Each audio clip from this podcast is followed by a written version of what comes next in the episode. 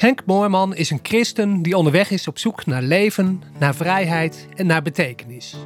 En dan wel concreet gemaakt voor het leven van hier en nu.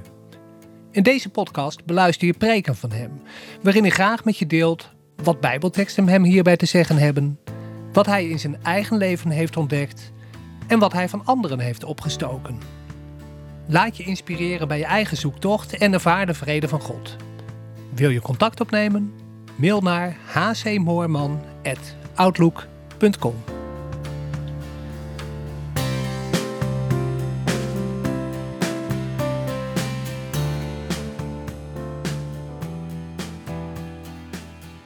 Ik wou eens kijken naar uh, uh, Psalm 13. Ik weet niet of. Oh, de ding is al uit. Nou, dan is hij nog weer op te starten.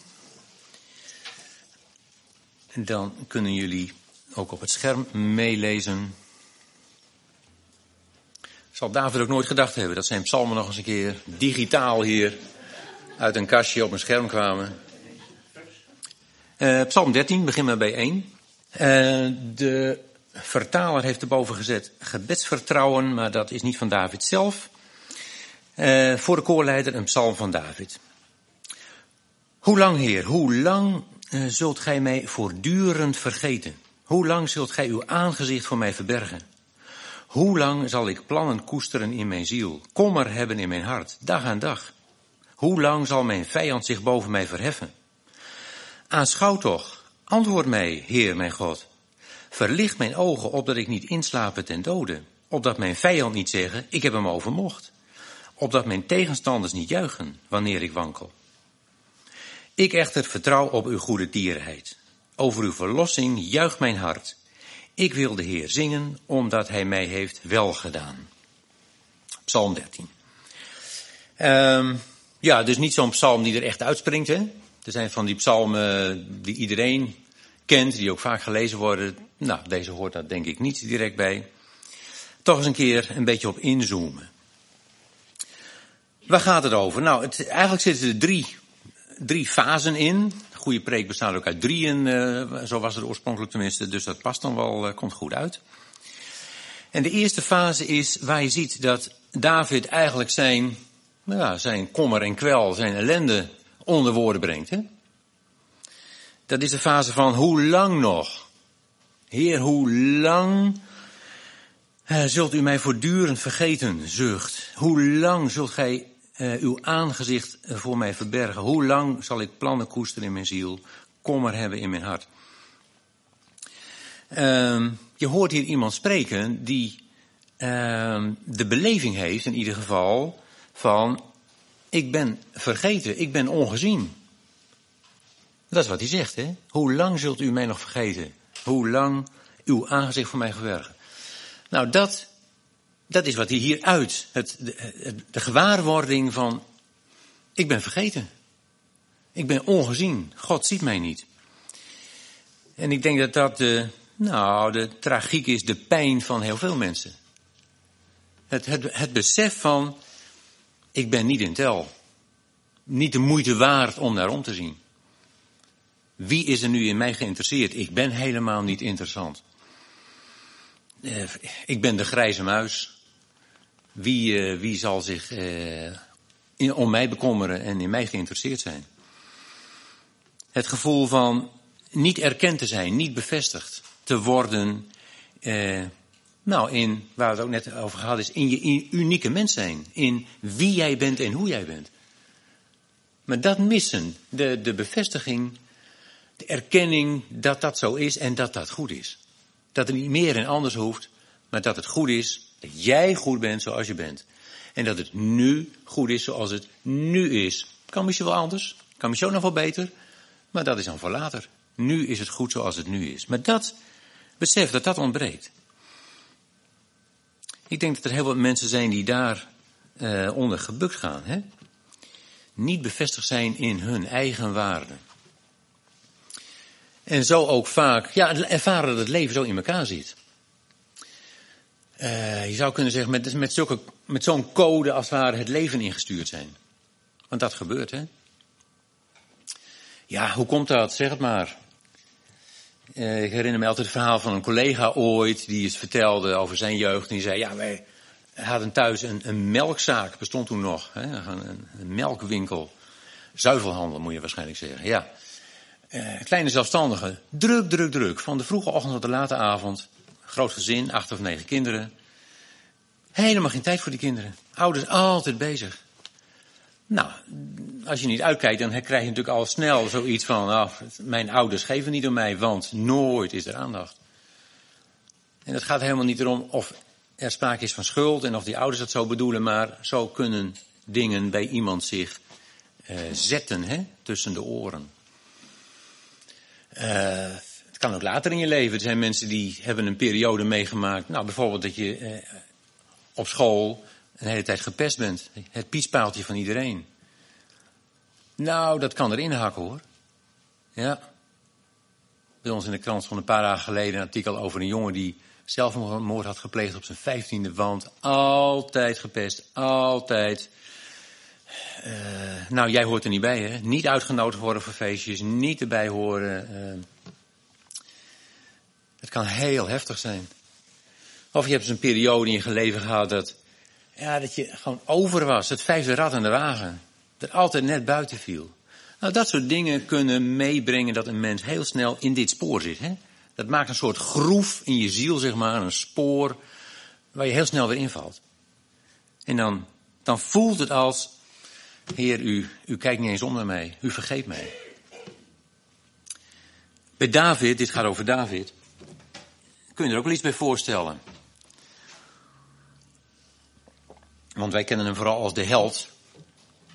Maar het staat nergens met zoveel woorden. Men gaat ervan uit uh, dat hij een buitenechtelijk kind is. Gevolg van een slippertje van zijn vader, Isaïe.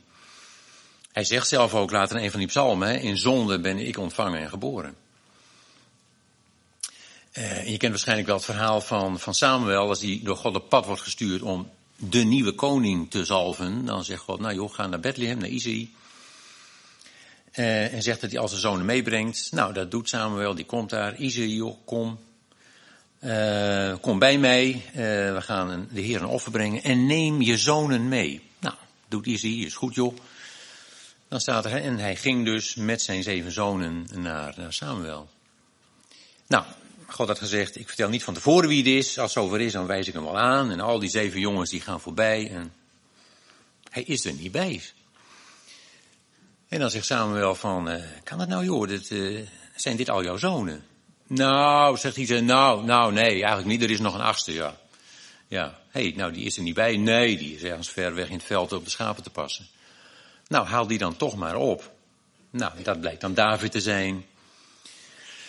En daarvan zegt God, nou dit is hem, zalf die maat tot de nieuwe koning. Typisch hè, Isaïe, joh, kom bij mij en neem je zonen mee. Nou, doe, doe ik, zegt hij. En hij, hij komt met zijn zeven zonen, staat er. Hoezo, was er geen achtste dan? Ja, maar die. Nou, stel je even in de positie van David, hè. Je vader zegt van, joh, eigenlijk zie ik jou liever niet. Misschien omdat hij hem te veel herinnerde aan zijn eigen misstap. Ik heb jou liever niet in mijn nabijheid. Ga jij maar mooi ver weg uit het veld. Eigenlijk, ik denk ook liever niet aan jou, want dan moet ik toch ook weer denken aan ja, waar ik zelf fout in ben geweest. En dan word je op een gegeven moment gehaald, zoals David, en dan blijkt, hé, hey, je vader is daar, al je broers zijn er. Hé, hey, waarom ben jij niet gelijk meegevraagd? Nee, dat was niet nodig. Nee, liever niet zelfs. Nou, oké, als dat je jeugd is geweest, dan snap je dat er bij David ook zo'n groef zit, zo'n spoor. Wat maakt dat het, dat dat een beetje zijn valkuil is, een zwakke plek, hè? Dat je al heel gauw zoiets hebt van, ah, God, want je vaderbeeld zet je over op God, hè?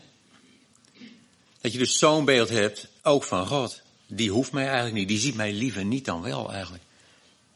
Hij vergeet mij maar liever. Ja. Nou, zo'n groef, wat is het gevolg? Dat je ziel niet te bloei komt. Dat er geen fleur in je leven zit. Dat je me liever probeert in je eentje het allemaal een beetje uit te knobbelen en, en eruit te komen. En hoe kan dat nou? En, en hoe kom ik hier uit en hoe kom ik hier verder in? Eenzaamheid dus, hè? Eenzaamheid. De Naderse vertaling zegt, hier staat, hoe lang zal ik plannen koesteren in mijn ziel, Die vertaling zegt, ehm, hoe lang draag ik plannen moederziel alleen? Nou, dat vind ik gewoon, dat is het hè. Moederziel alleen, dat gevoel. Dat gevoel. Andere psalmvertaling van Ida Gerhard, die zegt, hoe lang zal ik eenzaam op raad moeten zinnen? Hoe lang ben ik eenzaam in mijn eentje, moederziel alleen bezig om te kijken, hoe, hoe kom ik hieruit? Hoe kom ik uit dit klimaat? Hoe kom ik hier verder in? Eenzaam is het gevolg. En triestigheid, hè? Verdriet. Uh, kom, hoe lang zal ik kommer hebben in mijn hart? Nou, kommer is verdriet. Uh, droefnis, zegt Ida Gerard. Hoe lang draag ik zwijgend mijn droefnis? Dat is gevolg. Het, als je dit denkt, als je het zo voelt, er wordt niet naar mij omgekeken. Ja, dan ben je eenzaam. En dan ligt er een soort droefheid als een sluier over je leven triestigheid.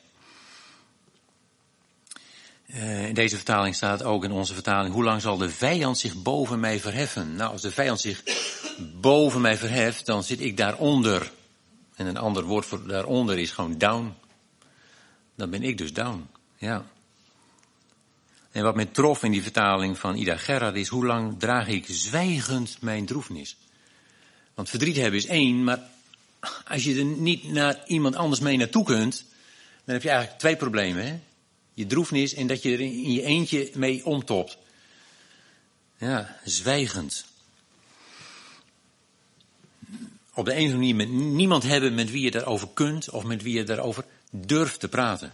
Kan hè? Ja, nou dat is heel verdrietig. En er is een hoop eenzaamheid hoor. Er is een hoop eenzaamheid onder mensen. Mensen die geen anderen hebben, om hun hart bij uit te storten, om hun diepste innerlijk aan te laten zien en mee te delen.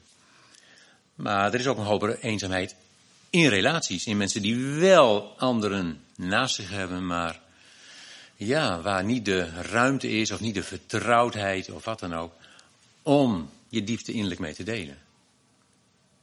Nou, daar zit ook een hoop pijn dan, hè? Misschien juist dan.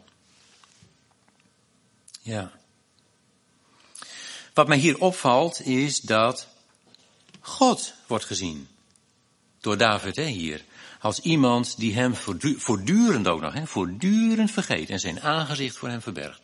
Nou, eh, dat is dus niet van, God ziet mij niet. Nee, dat is God wil mij niet zien. Als je je aangezicht voor iemand verbergt, dan wil je iemand niet zien.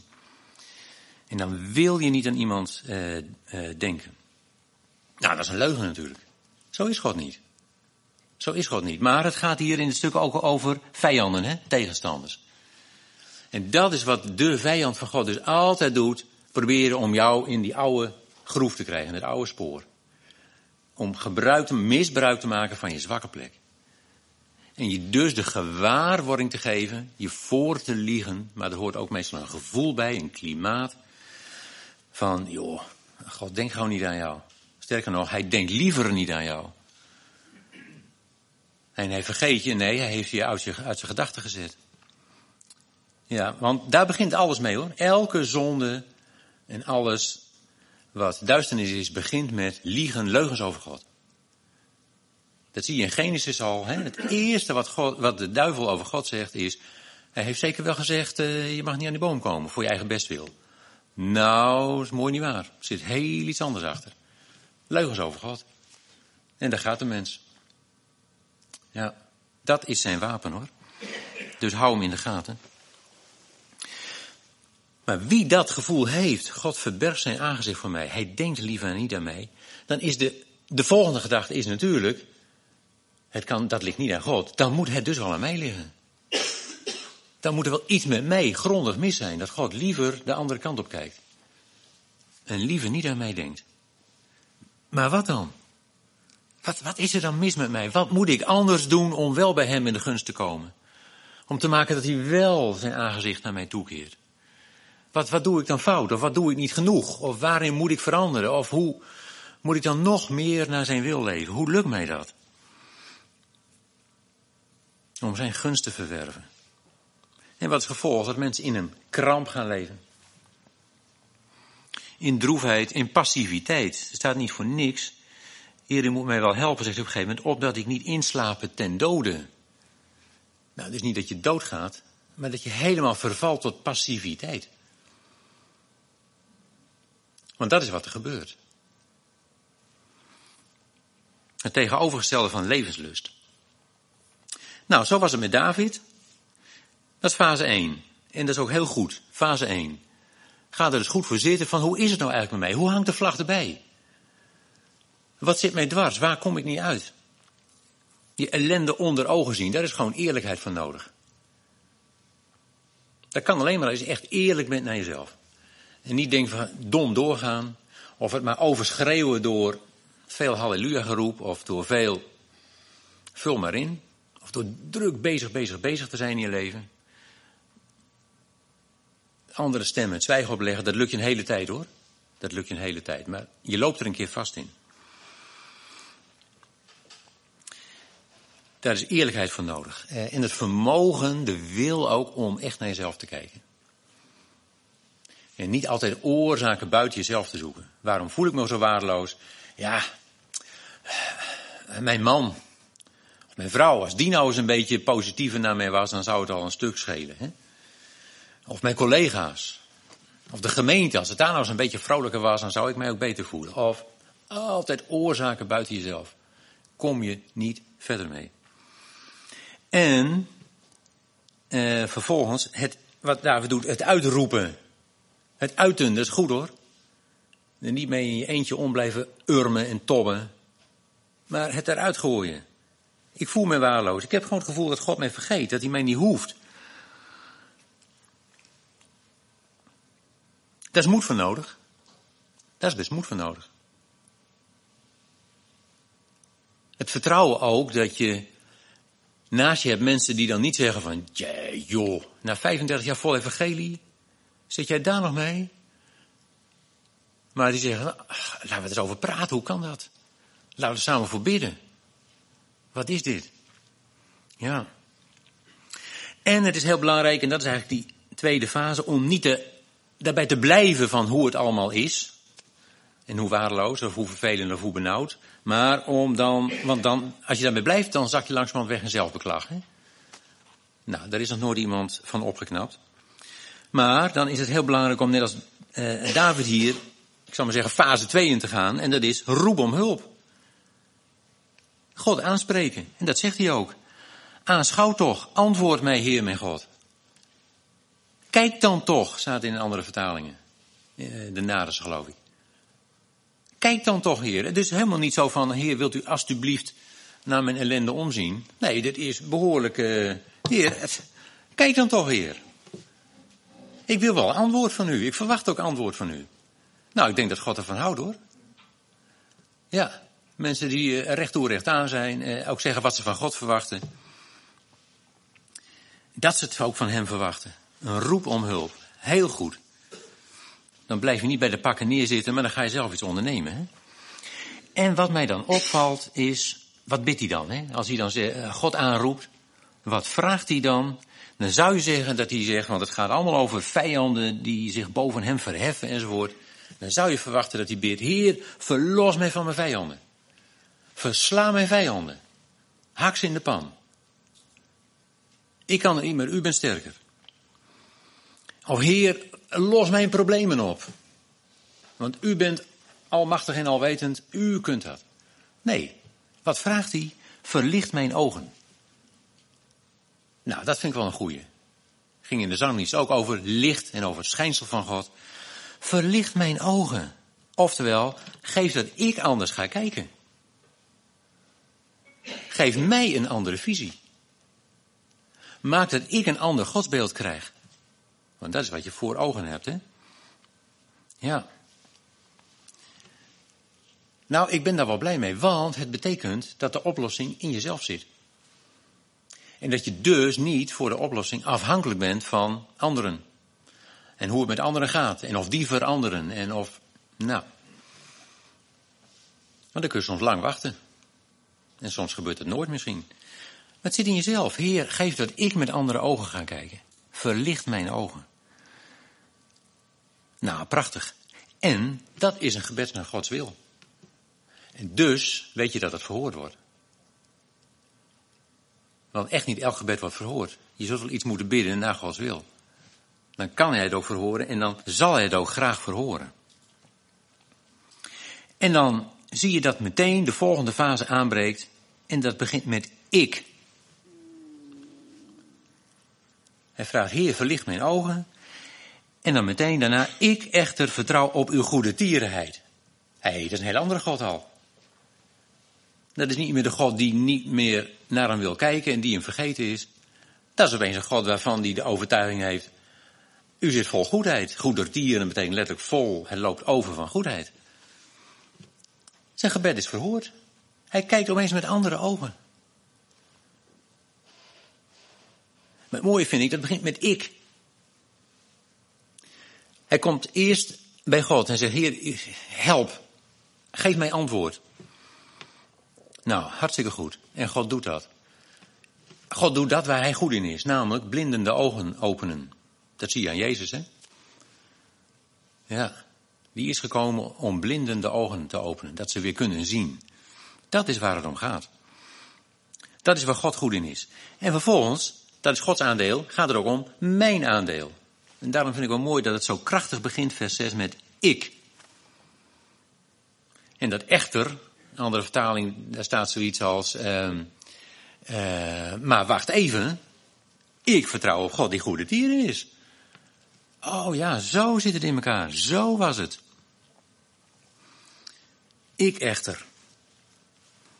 Ik vertrouw de goede tierenheid. Overlopend van goedheid. De Naderse vertaling zegt, ik weet mij in uw vriendschap zeker.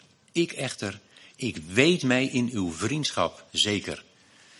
En Ida Gerhard uh, vertaalt, nee, ja, die heeft het over uh, genade. Ik vertrouw op uw genade. Uh, en in de grondtekst staat een woord wat zoiets betekent als solidariteit. Ik vertrouw op uw solidariteit. Dat vind ik een prachtig woord. Dat is helemaal tegenovergestelde van die eerste twee versen. Van God die vergeet en God die liever niet naar je kijkt. Een God die solidair met mij is, die zegt, ik verbind mij met jou. Solid, solide betekent vast, onverbrekelijk aan elkaar. Ik sta achter jou, ik ga met je mee, waar dan ook heen. Ik blijf ook bij jezelf als je miskleunt. Kijk maar naar Adam en Eva. grootste miskleun zou je kunnen zeggen uit de mensheid. En de eerste die daarbij is en zegt, dit gaan we oplossen, is God. Ja. Dat is solidair zijn. Nou, dat vind ik zo sterk. Dat vind ik zo geweldig sterk van God. Ik ben één, ik verklaar mij één met jou. Ik verbind mijn lot, verbind ik aan jouw lot. En jouw lot verbind ik aan mijn lot, zegt God. Dat is solidair. Man. Nou, dat is een heel ander klimaat, hè? Dan hoe lang zult gij mij voortdurend vergeten en uw aangezicht voor mij verbergen. Prachtige waarheid. Vraag is natuurlijk, hoe krijg ik uh, zo'n zicht op God? Hoe krijg ik dat godsbeeld? Hoe krijg ik die zekerheid? Naar zijn vertaling, hè? Ik voel mij zeker, ik weet mij zeker, ik weet mij zeker in uw vriendschap. Nou, ik grijp maar even terug op een preek van een jaar geleden, die jullie nog helder voor de geest staat natuurlijk.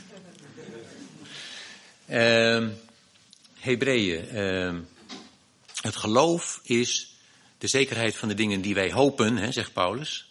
Mooiere vertaling, vind ik in elk geval, is het geloof is de werkelijkheid van de dingen die wij hopen. Kun je herinneren?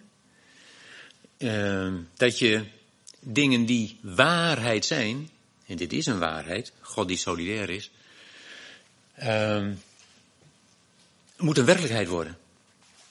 Iets kan waar zijn, maar het moet werkelijkheid in mijzelf worden. Uh, het kan tot mijn, een waarheid kan tot mijn geestelijke bagage horen, maar het doet pas iets met mij als het helemaal door mij heen werkelijkheid is geworden.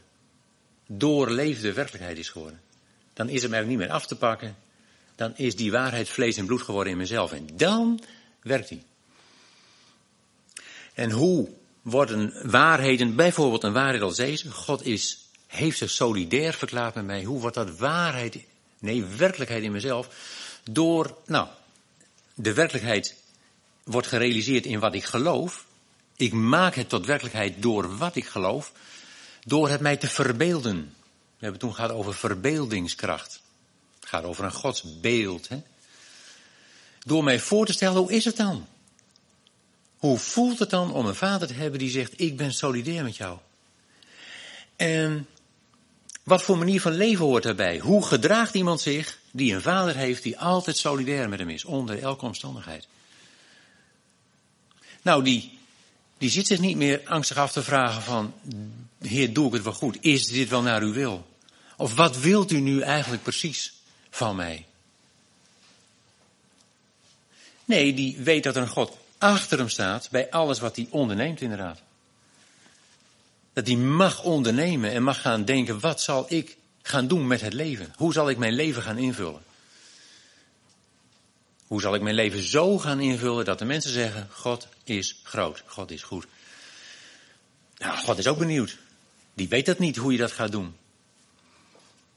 Maar doordat je te gaan verbeelden, verbeeldingskracht. Hoe ziet zo'n leven eruit? En daarna te gaan handelen. Op basis daarvan stappen te gaan zetten. En dat is belangrijk hoor, handelen. Jezus heeft zo vaak gezegd, niet wie zegt Heere, Heere, maar wie, doet, wie doet de wil van mijn vader. En de man die zijn huis op het zand en of de rots bouwt, wat is het verschil? De een die heeft alleen geluisterd naar wat Jezus zei. En de ander heeft gedaan wat hij zei. Uiteindelijk gaat het altijd om doen. Op basis daarvan handelen en stappen zetten. Zo wordt het werkelijkheid. Ik, eh, als je het hebt over verbeelden, mij staat altijd nog bij, ik heb het wel eens vaker aangehaald. Uh, het beeld dat Harm Schilder ooit eens heeft verteld, het is al heel veel jaren geleden, maar van die vader met twee kinderen aan het strand. Nou, wij zijn één dag aan het strand geweest deze zomer. Uh, ja, het was prachtig weer gelukkig. Uh, maar dan kun je het helemaal voorstellen. Maar het beeld was die vader die is daar, je kunt je een beetje voorstellen, zo een beetje de laatste duinenrij tegen het strand aan, twee kinderen. En één die gaat het strand op, die gaat lekker daar wat verderop eh, aan de rand van de branding spelen. En die ander die klemt zich om het been van de vader heen. Vader, ik wil bij u blijven. Vader, ik wil niet van uw zijde wijken. Vader, ik wil precies het. En, ja, en die vader zoiets heeft van, joh, ga, ga heerlijk spelen. Vanaf hier hou ik jullie in de gaten. Als je mijn hulp nodig hebt, reken erop dat ik er ben. Je kunt ook altijd bij me terugkomen. Voel je veilig. Maar ga heerlijk spelen. En de een die dat durft en de ander die dat niet durft, om wat voor reden dan ook. Hè? Maar de vader die dat wel graag wil. Nou, ik vond het een prachtige verbeelding van een vader. Onze vader zoals hij is en zoals hij zich solidair verklaard heeft met ons. Doe maar, leef je leven maar. En je hoeft niet steeds aan mij te denken. Wees er maar van overtuigd dat mijn aandacht altijd bij jou is. Ja. Nou, als, je, als we dat zo tot een levende realiteit in ons eigen leven kunnen maken, zoals een David daar ongetwijfeld ook mee bezig is geweest, dan snap je ook dat hij helemaal aan het eind zegt, ik wil de Heer zingen, omdat hij mij heeft welgedaan. Want hij, heeft mij, hij deed mij zo wel, staat in een andere vertaling. Nou, prachtig hè? Een vader die je zo wel doet. Amen. Goed, zullen we bidden? Vader, dank u dat, u, dat, dat, dat, dat we u ja, steeds meer leren kennen zoals u echt bent. Dat u zich hebt laten kennen, maar dat wij er ook in slagen om dat steeds meer werkelijkheid te laten worden in ons eigen bestaan. Want dat is wat uh, leven geeft. Uw licht. Heer, dank u dat we op die manier ook uh, de duisternis verslaan. Niet door daar hard op in te buiken, maar door steeds voller te worden van uw licht. Ja. Nou, Heer, dank u voor het feest uh, dat we met u mogen leven. En dat inderdaad, als we zo ondernemen, als we zo met u onderweg zijn, uh, dat dat tot iets leidt. Namelijk tot leven zoals u dat bedoeld hebt tot mensen uh, waarvan u in het begin al hebt gezegd, naar mijn beeld en gelijkenis. Nou, vader, heerlijk om, uh, om zo met u te mogen leven. Amen. Wil je contact opnemen? Mail naar hcmoorman.outlook.com